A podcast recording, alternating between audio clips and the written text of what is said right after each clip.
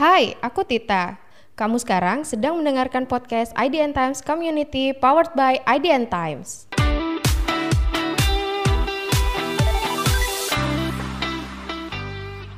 Halo teman-teman, kembali lagi di podcast IDN Times Community bersama aku Siantita Novaya.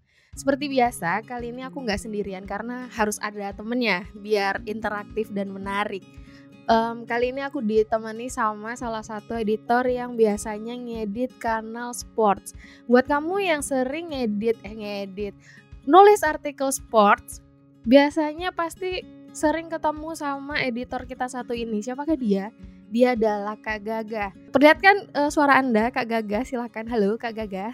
Halo, halo. Selamat pagi, siang, malam. Halo, Kak Gaga. Apa kabarnya ini? Baik, baik. Gimana nih Kak Tita? Apanya?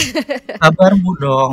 Oh sehat-sehat, alhamdulillah. Jadi uh, teman-teman kali ini kita akan ditemani sama Kak Gaga untuk ngobrolin uh, tema kita hari ini. Apa itu? Tema kita hari ini adalah salah satu uh, kesalahan yang fatal yang tidak hmm. termaafkan gitu. Istilahnya kalau di Harry Potter itu kayak kutukan tidak termaafkan. Nah ini adalah sebuah tindakan yang tidak termaafkan oleh uh, community writer. Sebelum kita ngomongin topik kali ini, aku pengen ngobrol bentar nih sama Kak Gagah gitu kan. Uh, Kak Gagah ini hitungannya sebenarnya masih editor baru gitu kan di IDN Times Community. Jadi aku pengen tahu kamu berapa lama sih ngedit di IDN Times Community dan sebelum kamu di IDN Times Community itu kamu kegiatannya ngapain? Oke, aku kurang dari setahun sih di IDN Times Community. September masuk sekarang Juni berarti ya kurang dari satu tahun sih. Sebelumnya kerja freelance salah satunya jadi editor di salah satu perguruan tinggi negeri di Bandung. Jadi nggak jauh-jauh lah dari ngedit. Hmm, ngedit-ngedit gitu ya pokoknya. Berarti uh, jurusan kuliah kamu apa kalau misalnya kamu milih uh, pekerjaan dengan edit-edit kayak gini? Dulu aku kuliah di jurnalistik wow. Fakultas ilmu komunikasi. Jadi belajar ilmu komunikasi sih. Gelarnya SIKOM sih. Tapi konsentrasinya ke jurnalistik Oke, nah ini ngomongin jurnalistik ini menarik nih karena kita kan uh, nulis artikel nih di Eden Times Community, berarti kan emang butuh satu atau dua atau banyak hal gitu ya soal kaidah jurnalistik yang oke okay, biar ngerti gimana caranya nulis di Eden Times Community. Nah, hmm. uh, apa namanya? Ju sebenarnya jurusan jurnalistik ini uh, waktu kuliah ngapain sih? Terus nanti prospek kerjanya selain jadi editor itu apa aja? Ya sama lah kayak kuliah-kuliah yang lain ya. Yang namanya kuliah ya belajar lah. Iya iya dong. Terus terus. Tapi belajarnya gini uh, kita kan berangkat dari ilmu komunikasi ya. Jadi kita belajar ilmu komunikasi terus nanti tuh waktu zaman itu di semester 3 kalau nggak salah mulai ada konsentrasinya salah satunya jurnalistik. Nah aku tuh belajar tentang komunikasi massa media massa. Jadi benar-benar uh, belajar jurnalistiknya. Awalnya sih emang berangkat dari ilmu komunikasi karena kan itu ada sangkut pautnya kan. Oke, terus tuh belajar apa aja? Belajar apa aja banyak, ada nulis artikel, ada ngedit artikel, bikin berita TV, bikin berita radio, banyak lah. Ya seputar Oh, berarti kuliah belajar bikin artikel. Iya, udah kayak uh, jurnalis beneran. Bahkan bikin media. Wow. Wow. Bikin media, cari iklan segala macam. Oke, okay, oke. Okay. Wow, that's nice. Terus uh, prospek kerjanya nih, ngapain aja? Ya pasti jadi jurnalis sih kerjanya di media massa. Tapi nggak menutup kemungkinan juga uh, masuk ke ranah-ranah lain ya. Banyak teman-temanku yang kemudian bekerja di agensi gitu ngurus iklan segala macam jadi humas di pemerintahan adalah. Bahkan ada yang di okay. kayak Kemenlu gitu Kementerian Luar Negeri. Ada ada hmm, ada. oke okay, berarti sebenarnya jurusan kuliah itu juga tidak tidak terpaku pada pekerjaan apa setelahnya ya. Jadi uh, tergantung kita apa konsentrasinya mau cari kerja yang mana hmm, betul. itu sebenarnya bisa dilakukan ya nggak ada hubungannya sama uh, jurusan kita kuliah meskipun nanti ketika kita kerja apa yang kita pelajari waktu kuliah itu juga sedikit banyak akan ada manfaatnya juga buat pekerjaan kita. -hmm. Terus nih kalau soal di IDN Times Community ya sendiri nih, kamu editor kan sekarang. Terus ilmu apa aja yang dari kaidah eh kaidah, ilmu apa aja yang dari jurnalistik ini nih bisa diterapin di kerjaan kamu? Ada banyak sih. Kita kan belajar soal media massa ya. Jadi kita juga belajar apa sih produk-produk jurnalistik itu gitu. Kayak ya podcast ini juga kan salah satu produk jurnalistik ya. Kita bisa bikin berita dari podcast, kita juga bisa um, beropini di podcast. Ya banyak lah macamnya. Salah satunya ngedit ini juga sih sebenarnya karena ngedit kan butuh butuh apa ya pengalaman untuk um, bisa membuat sebuah tulisan yang terpercaya gitu kan melalui disiplin-disiplin verifikasi dan sebagainya. Oh berarti dulu kamu juga belajar verifikasi data kayak uh, cek fakta gitu-gitu ya? Hmm, betul itu itu benar-benar harus dilakukan sih. Soalnya kan kita ada di ranah jurnalisme ya harus harus bisa menjadi orang terpercaya gitu karena urusannya dengan publik. Oke oke. Nah Berarti kalau kamu sekarang udah di Dynamics Community ini pasti sering banget dong kayak ketemu sama satu dua uh, community writer yang mungkin menurut kamu unik dan um, bisa dibilang kayak bikin kamu ngelus dada gitu saat ngedit artikelnya gitu kan. Kira-kira uh, jenis atau tipe community writer yang kayak apa nih yang biasanya bikin kamu hmm gitu kayak gemas gitu. Ada sih beberapa, cuma yang paling sulit termaafkan ya itu yang melakukan plagiat. Oke, gimana itu? Uh, kita jelasin dulu aja kali ya plagiat itu apa. Boleh, Jadi, boleh. Uh, uh, plagiarisme itu kalau menurut KBBI adalah penciplakan yang melanggar hak cipta. Sementara plagiat itu sendiri adalah pengambilan karangan orang lain dan menjadikannya seolah-olah karangan sendiri. Itu kayak menerbitkan kayak tulis orang lain atas nama kita gitu. Jadi kayak ngejiplak gitu. Makanya ini disebut kesalahan yang nggak termaafkan tadi aku bilang dari dari pengertiannya aja ini kayak kayak perbuatan kriminal gitu loh kayak mencuri gitu sampai mencuri pencurian iya itu kayak yeah. mencuri intelektual property gitu nggak sih iya hak cipta kan berkaitannya dengan hak cipta Oke, berarti kan tadi kamu ngomongin soal plagiarisme saat nulis artikel nih. Emang kenapa? Uh, tolong jelaskan gitu kan kepada community writer, kepada pendengar podcast setia kita ini. Uh, kenapa plagiarisme saat menulis artikel itu sebuah kesalahan yang fatal dan tidak bisa dimaafkan?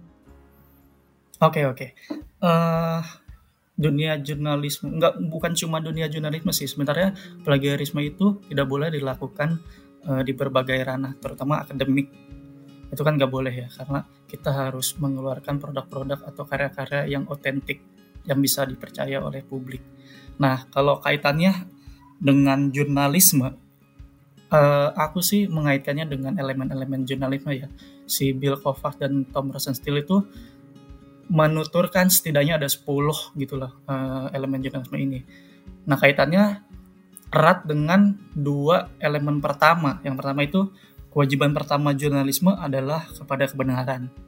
Jadi dalam praktiknya jurnalis itu termasuk jurnalis warga atau yang lainnya harus menjunjung tinggi kebenaran. Kalau kita melakukan plagiarisme berarti kita tidak uh, melakukan kebenaran kan, tidak menjunjung tinggi kebenaran. Plagiarisme aja sudah, sudah dianggap sebagai sesuatu, sesuatu hal yang salah. Maka kalau melakukan plagiat berarti uh, kewajiban pertama jurnalisme pada kebenaran ini gugur dong, ya kan? Nah, yang kedua, kesetiaan jurnalisme adalah kepada warga. Jadi kita tuh bertanggung jawab untuk menghasilkan produk-produk karya-karya yang bisa dikonsumsi publik, yang penting untuk dikonsumsi publik. Dan produk itu harus harus terpercaya. Kalau kita melakukan plagiarisme, apa yang bisa kita percaya? Gitu loh. Uh, menurut kamu ada nggak sih kayak tipe-tipe atau jenis-jenis orang ketika melakukan plagiarisme pasti kamu pernah menemukan kan kayak community writer yang melakukan plagiarisme gitu kan kira-kira uh, apa aja gitu cara-cara licik cara-cara unik yang dilakukan community writer ini untuk uh, menulis artikel meskipun tekniknya ilegal gitu. secara umum aja kali ya kita bahas ada iya, boleh. berapa ya mungkin yang pertama tuh kayak plagiat langsung gitu loh kak uh, dia tuh ngejiplak benar-benar ngejiplak tulisan orang lain dan mengakui uh, karya itu sebagai karyanya sendiri. Jadi dia submit ke ADN Times Community tulisan orang lain. Itu termasuk kayak nge-translate atau menerjemahkan uh, artikel dari berbah yang berbahasa asing ke dalam bahasa Indonesia. Secara uh, ya langsung aja gitu. Jadi dia plak-plakan gitu loh. Ngejiplak. Itu kan sama persis. Kan? sama persis. Nggak boleh kan itu. Mm -mm. terus yang kedua itu ada uh, self plagiarism maksudnya adalah dia menjiplak atau menggunakan potongan-potongan informasi yang telah dia tulis sendiri. Nah ini ini yang kadang nggak disadari sama community writer ya bahkan di luar community writer pun ada yang melakukan hal itu gitu kan yang ketiga par, uh, parafrasa. Parafrasa itu uh, mengambil potongan-potongan kalimat dengan mengubahnya menggunakan bahasa dia sendiri gitu. Tapi tapi uh, maksudnya tuh masih ke situ gitu. Ini ini sering terjadi ketika kita mengambil potongan informasi dari artikel berbahasa asing. Nah, yang keempat, nah yang keempat nih, ini nggak sengaja plagiat. Plagiat kan, pun ada yang nggak sengaja. Iya, kadang-kadang kita tuh nulis, ya udah kita kan proses menulis itu menggunakan otak kanan ya, jadi kayak um, proses kreatif gitu loh. Jadi kita nulis mm -hmm. aja sesuai apa yang pernah kita baca. Karena kan kita kita adalah apa yang kita baca. Jadi kita nulis apa yang kita baca. Ternyata itu tuh sudah pernah digunakan gitu. Jadi kedetek sebagai plagiarisme.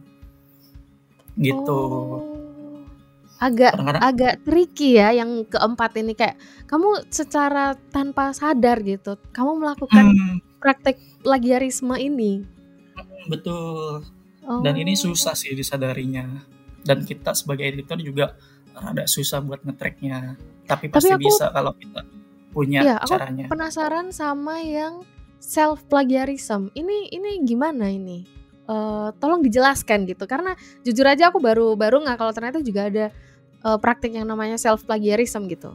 Itu kayak okay, apa sih? Okay. Hmm. Self plagiarism ini ya mengambil potongan-potongan informasi atau mengutip dari artikel sendiri biasanya kalau yang terjadi di Identity Community ya. Misalkan kita udah pernah nulis soal A, terus kita mau menulis soal B tapi menyinggung soal soal A juga. Jadi kita ngambil beberapa bagian dari tulisan yang udah pernah kita submit dan publish. Padahal itu kan nggak boleh uh, di di IDN Time sendiri kan kalau ada kutipan yang kemudian dipakai lagi pada tulisan yang baru itu biasanya kita pak pakai mencantumkan uh, si wawancaranya itu kan misalkan menurut siapa dikutip IDN Times pada tak ada tanggalnya kapan gitu kan jadi oh, jelas okay. tuh mm jelas tuh kutipannya itu diambil dari mana mm nah sementara self plagiarism itu tidak melakukan itu jadi dia mengambil potongan informasi dari tulisan yang lama tanpa uh, mencantumkan sumbernya. Padahal okay. itu tuh termasuk plagiarisme meskipun itu kita sendiri yang nulis. Oke, okay, oke. Okay. Jadi oh ini ini pasti sering banget sih kayak uh, karena di di Times Community sendiri kan ada ribuan artikel dari ribuan penulis gitu kan. Jadi mungkin tanpa sadar mereka, ah ini aku yang nulis sendiri kok. Jadi aku yang punya kredit kan aku jadi aku yeah. merasa berhak untuk naruh potongan informasi tulisan yang aku tulis sendiri untuk aku taruh ke artikelku yang selanjutnya padahal sebenarnya itu nggak boleh ya nggak itu masuknya ke self plagiarism oh. makanya aku sebutkan ini tuh kadang-kadang nggak -kadang ters, nggak tersadari juga sama kita sebagai penulis Oke oke. Jadi uh, bahaya ya ini teman-teman community writer buat kalian yang dengerin podcast kali ini dan secara tidak sadar gitu kan sering melakukannya. Ayo siapa yang pernah melakukannya pasti ada gitu kan. Uh, please lah, ayo kita mulai pelan-pelan belajar untuk menyusun kalimat-kalimat yang bervariatif dan lebih kreatif lagi biar enggak melakukan self plagiarisme karena secara tidak langsung editor pun juga tahu gitu kan kayak sadar kalau kalian itu melakukan kesalahan yang sama dan berulang kali. Terus gimana caranya editor ini ngawasin gitu dan mastiin tiap artikel dari community writer yang masuk itu bebas dari praktek plagiarisme. Biasanya editor tuh ngeceknya kayak gimana?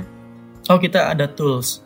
Jadi wow. Setidaknya kita pakai tiga lah tool dari sistem IDN Times-nya sendiri, mm. tools dari third party sama ingatan editor ya. Karena kita kan um, mengedit banyak sekali artikel ya aku sendiri sejak September ini udah mungkin ribuan artikel yang pernah aku baca itu Luar adalah biasa. adalah beberapa yang nyangkut gitu kayak oh pas baca satu artikel oh ini kayaknya mirip nih sama yang dulu ya tinggal googling aja itu bisa kok ketemu gitu tools toolsnya ini juga menarik sih dari si sistem IDN Times kita bisa pakai plagiarism checker apakah ini terindikasi plagiat atau enggak nanti kan ada presentasenya kelihatan kok Persentase seberapa mirip artikel ini dengan artikel yang lain gitu kan. Betul Keren banget. Terus yang itu tadi yang third party itu gimana tuh? Tapi juga nggak jauh beda sih eh, cara kerjanya. Jadi kita masukin apa namanya artikel yang udah disubmit dari community writer ke tools yang disediakan oleh third party ini. Nanti dia Oh. bakal scan tuh eh, kata per kata, Oke. kalimat per kalimat, paragraf per paragraf, apakah ini eh, ada indikasi plagiarisme atau enggak gitu. Oke, dengerin tuh ya teman-teman community writer.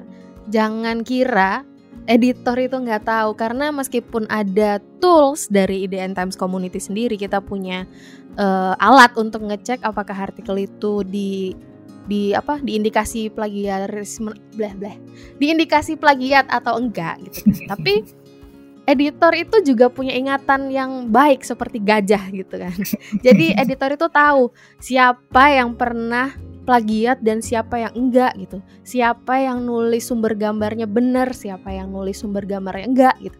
Siapa yang nyantumin link referensi itu yang oke, siapa yang enggak itu kita tahu loh anyway. Jadi jangan kira editor itu cuma apa ngecek-ngecek tipis-tipis habis itu diterbitin. Enggak, jangan kira editor itu magabut makan gaji buta enggak. Kita kerja dengan benar biar artikel kalian itu bebas dari dari plagiarisme. Terus nih, kalau misalnya kamu pernah ketahuan gitu nggak kayak kamu ngegap, oh artikel ini ternyata plagiat gitu. Oh beberapa kali sih, terutama buat penulis pemula kali ya. Oh, yang biasanya pada males baca panduan menulis gitu kan?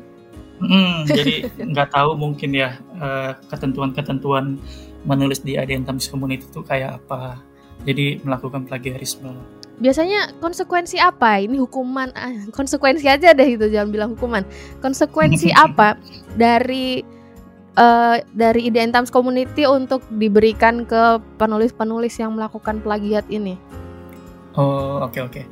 Di IDN Times Community sendiri sebenarnya agak baik ya karena nggak orang nggak langsung yang eh, suspend atau nge-blacklist gitu. Aku sendiri biasanya ngasih teguran dulu berupa revisi atau reject. Ya kita kan kita kan menghadapi individu yang entah ada di mana latar belakangnya apa jadi kita nggak tahu dia siapa Benar. tapi kenalan lewat tulisan.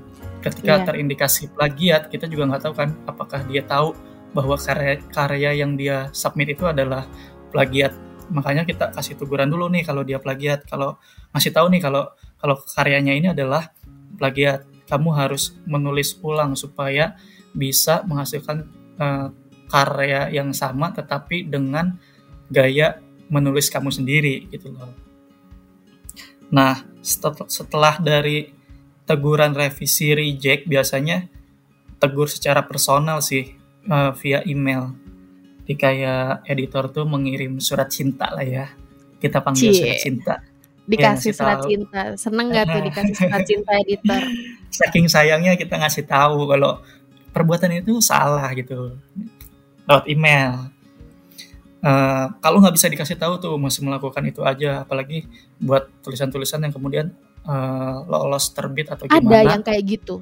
ada ada ya beberapa Sumpah. kali lah Luar biasa. Oke, lanjut. nah kalau udah kayak gitu biasanya kita punya kayak death note gitu loh blacklist kita daftarin nih masuk daftar hitam gitu loh. kalau anak ini tuh suka melakukan plagiarisme suka Oh, melakukan plagiat jadi kita masukin Wow. daftarnya siapa aja biar Wow. ketahuan dengar tuh teman-teman. Kita editor tuh punya daftar hitam kayak penulis-penulis apa aja gitu. Yes, apa aja. Penulis-penulis siapa aja nih yang terindikasi melakukan plagiarisme dan biasanya tuh kita kita cuekin aja gitu artikelnya. Kalian mau nulis, kalian mau ngapain gitu. Biasanya artikelnya kita cuekin dan karena teguran pertama, kedua dan ketiga tidak mempan, jadi kami juga nggak bisa ngapa-ngapain lagi gitu untuk iya. menyadarkan yeah. hati kalian yang beku itu.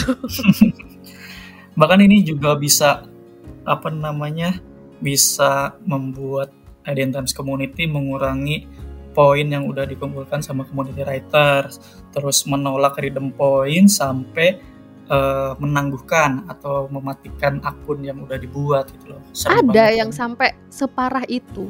Ada, ada yang Luar ya nggak banyak sih, cuma ada.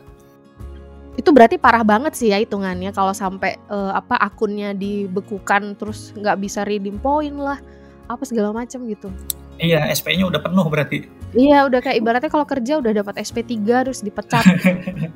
Iya, kayak gitulah. Kalau artikel kalian dicuekin editor gitu, misalnya biasanya aku sehari ngedit eh ngedit nulis dua diterbitin semua. Sekarang aku nulis udah seminggu artikelku ketumpuk semua gitu. Kenapa ya ini kok nggak ada yang terbit? Coba refleksi diri bercermin gitu kan siapa tahu kalian pernah dapat revisi dari editor tapi tidak kalian indahkan tidak kalian gubris gitu hmm. tidak kalian pikirkan gitu kan jadi kayak hmm apa sudah saatnya aku memperbaiki kesalahanku nah itu coba mungkin kalian um, pernah melakukan kesalahan tapi dilupakan gitu. Kalian sengaja melupakannya karena lebih gampang untuk melakukan praktek plagiarisme daripada belajar. Hmm. Terus habis itu biar nggak kayak gitu. Biar tidak biar kena blacklist ya uh, biar nggak kena blacklist dari editor itu apa yang harus dilakukan sama writer. Pertama yang pasti harus mengenal apa itu plagiarisme. Jadi kita belajar apa sih yang termasuk ke dalam plagiarisme dengan mendengarkan podcast ini aja kan sebenarnya kita udah belajar tuh apa yang disebut sebagai plagiarisme. Yang kedua kita uh, memperkaya pengetahuan. Jadi kita tuh sebagai penulis itu harus juga rajin membaca karena inputnya uh, dari membaca, outputnya dari menulis. Jadi jadi yang tadi aku jelasin kita adalah apa yang kita baca. Nah ini ada hubungannya dengan uh, proses verifikasi juga sih. Makanya kan di Identitas Community itu sering banget kita minta buat mencantumkan uh, tautan sumber informasi yang menjadi rujukan tulisan kan. Iya. Nah, kenapa gitu? Karena mm -mm. kalau dia mencantumkan kita anggap dia sudah banyak membaca ya minimal tiga artikel gitu yang bisa diperbandingkan, yang bisa disandingkan apakah informasinya benar atau tidak. Nah ini ada ada hubungannya juga dengan elemen jurnalisme yang tadi disebutin. Tadi kan ada dua ya. Nah ini yang ketiga ada esensi jurnalisme itu adalah disiplin verifikasi. Makanya kita tuh harus baca banyak uh, artikel sebelum menulis, bandingkan informasinya, jadi semacam kalau dalam penelitian penelitian itu seperti triangulasi lah. Apakah teori-teorinya benar atau enggak? Apa tuh triangulasi? Itu kayak membandingkan teori satu dengan lainnya. Apakah data ini benar? Oh, berarti kayak harus harus berpikir kritis gitu ya? Betul. Jadi kalau kita punya hipotesis itu harus dibuktikan gitu dengan uh, serangkaian riset. Kalau misalnya hipotesisku bumi itu datar gimana dong? Ya harus dibuktikan tetap apa yang membuat kamu berpikir bahwa bumi itu datar. Bumi itu datar. Oke, okay. menarik ya. Oke, okay, terus lanjut. Apa aja yang harus dilakukan? Nah, yang ketiga adalah mencantumkan sumber dengan jelas. Tadi kan udah disebutin ya. Supaya apa? Supaya editor juga bisa mengecek sumber-sumber yang telah kamu uh, baca gitu. Apakah benar nih anak ini um, mencantumkan sumber dari uh, tempat yang tepat gitu kan. Yang ke yang keempat ya sekarang. Yang keempat adalah memanfaatkan alat untuk mengecek plagiarisme. Jadi nggak cuma editor yang uh, harus memanfaatkan tools yang tadi udah disebutin. Karena kan sekarang udah zaman digital ya, tinggal googling aja juga banyak tuh si iya uh, plagiarism checker. Setelah menulis kita juga bisa pakai itu kok. Kita masukin artikel kita, lihat tuh apakah terindikasi plagiarisme atau tidak. Kalau terindikasi ya ubah-ubah aja gitu kalimatnya sesuai dengan uh, bahasa kita sendiri. Bentar-bentar. Itu bedanya sama parafrase apa? Kalau parafrase itu dia ngambil potongan-potongan tapi uh, apa namanya? mirip gitu loh, mirip sama si tulisan aslinya. Sementara yang kita buat itu harusnya nggak terlalu mirip sama uh, sumber aslinya. Misalkan oh, uh, kan okay. parafrase itu kan misalnya satu paragraf, kita ambil aja satu paragraf, padahal kan kita tuh bisa nulis uh, hal yang sama tapi dengan cara berbeda, misalkan dengan apa ya, dengan uh, kata kalimat-kalimat yang lain, dengan paragraf-paragraf yang lain. Karena kan kalau aku lihat sih dari pengalaman yang pernah aku uh, alami ketika mengedit artikel yang dia ambil dari terjemahan itu dari sam, apa pemilihan katanya, diksinya, mm -hmm. terus susunan kalimat kalimatnya itu sama kayak artikel aslinya. Nah, kita harus harus bisa tuh menggunakan diksi yang lain dengan susunan kalimat yang lain sehingga itu menjadi karya yang otentik. Karena kan zaman sekarang itu susah ya mencari karya yang otentik karena ide-ide itu udah udah banyak dieksekusi oleh iya. penulis-penulis lain. Benar, Tapi yang membeda benar. yang membedakan kita dengan penulis lain adalah gaya uh, gaya kita dalam menulis gitulah, sudut pandang kita dalam menulis. Nah, makanya harus di uh, gen, apa yang namanya? Harus digenjot lah di situ, belajar di situ. Nah, ini udah sebenarnya nih lima belajar, belajar dan belajar. Jadi kita harus belajar nih semuanya yang telah disebutkan tadi. Termasuk ya cara bercerita kita gimana, terus kita belajar kata-kata dalam bahasa Indonesia yang baik dan benar, pelajari Puebi, termasuk panduan menulis uh, IDN Times Community ya. Bener banget.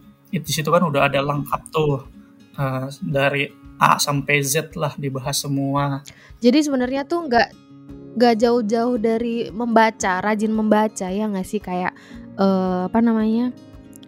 Kalau mau lancar nulis tuh harus banyak baca. Ini nih satu hal yang sering banget aku omongin. Aku nggak akan pernah uh, berisik, nggak aku nggak akan pernah nggak cerewet kalau ngomongin hal ini gitu loh. Kalau kalian mau lancar nulis, nggak mau writer's block gitu, kalian harus rajin-rajin baca biar kosakatanya nambah, pilihan katanya nambah, diksinya nambah, terus juga kreasi-kreasi apa namanya dalam nulis gitu juga uh, makin bervariasi gitu kan karena ketika kita baca hmm. banyak tulisan otomatis kita juga akan jadi lebih banyak tahu oh ternyata ada tulisan seperti ini.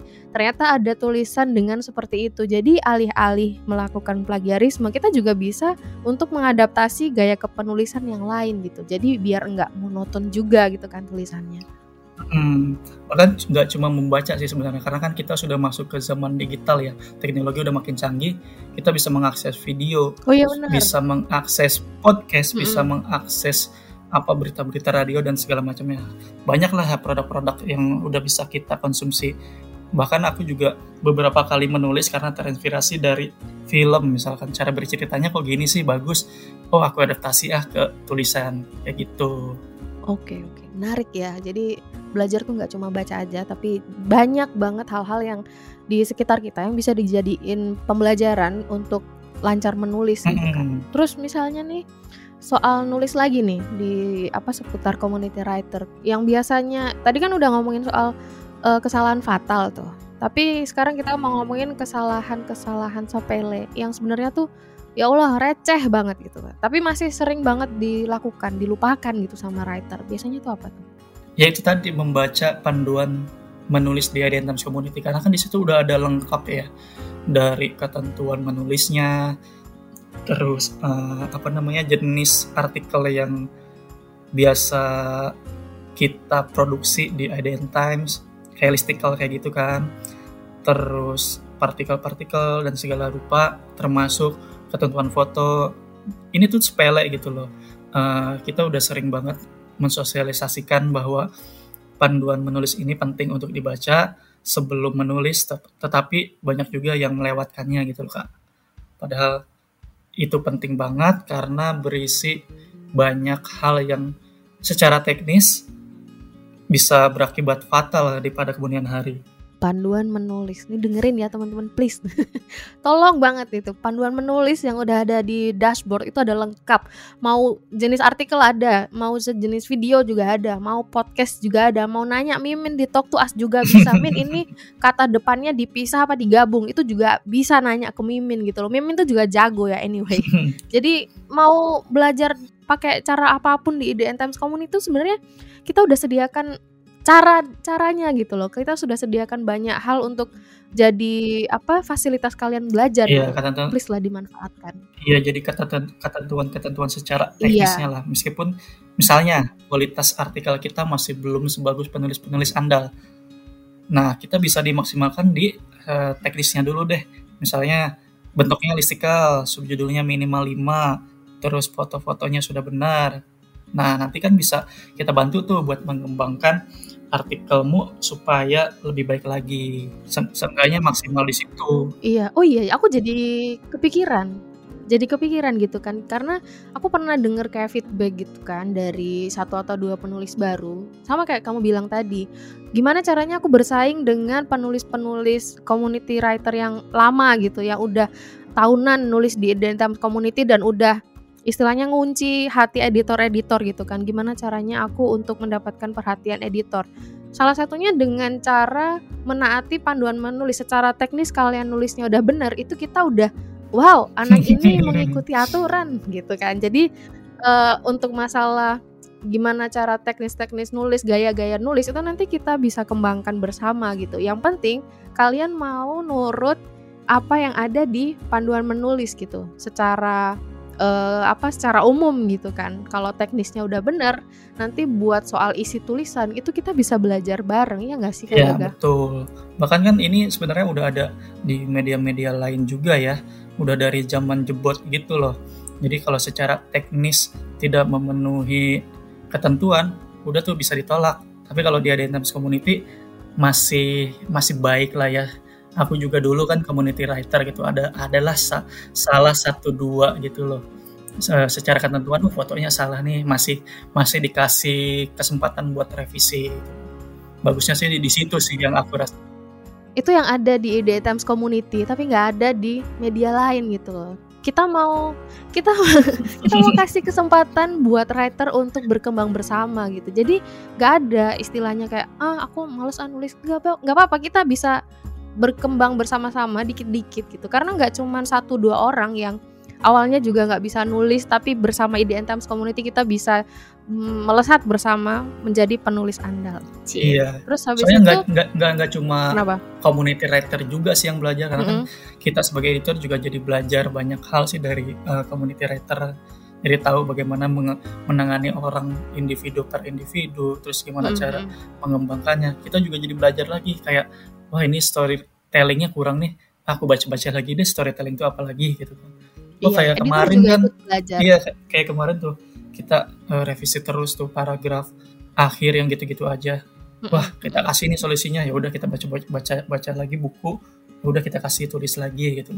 Biar uh, kita juga berkembang bersama. Iya biar paragraf terakhir, paragraf penutupnya nggak itu itu aja. Itulah lima hal. Demikian tujuh poin apa itu kan kayak ngelihat itu kayak capek banget. Nah itu kita juga kasih solusi buat teman-teman eh, writer gitu. Gimana caranya nulis paragraf penutup yang tidak monoton. Nih aku mau kasih ingat lagi buat teman-teman community writer itu kan ya. Eh, please lah jangan sekali-sekali atau mungkin ah iseng ah gitu. Ada gitu orang iseng melakukan plagiarisme gitu kan.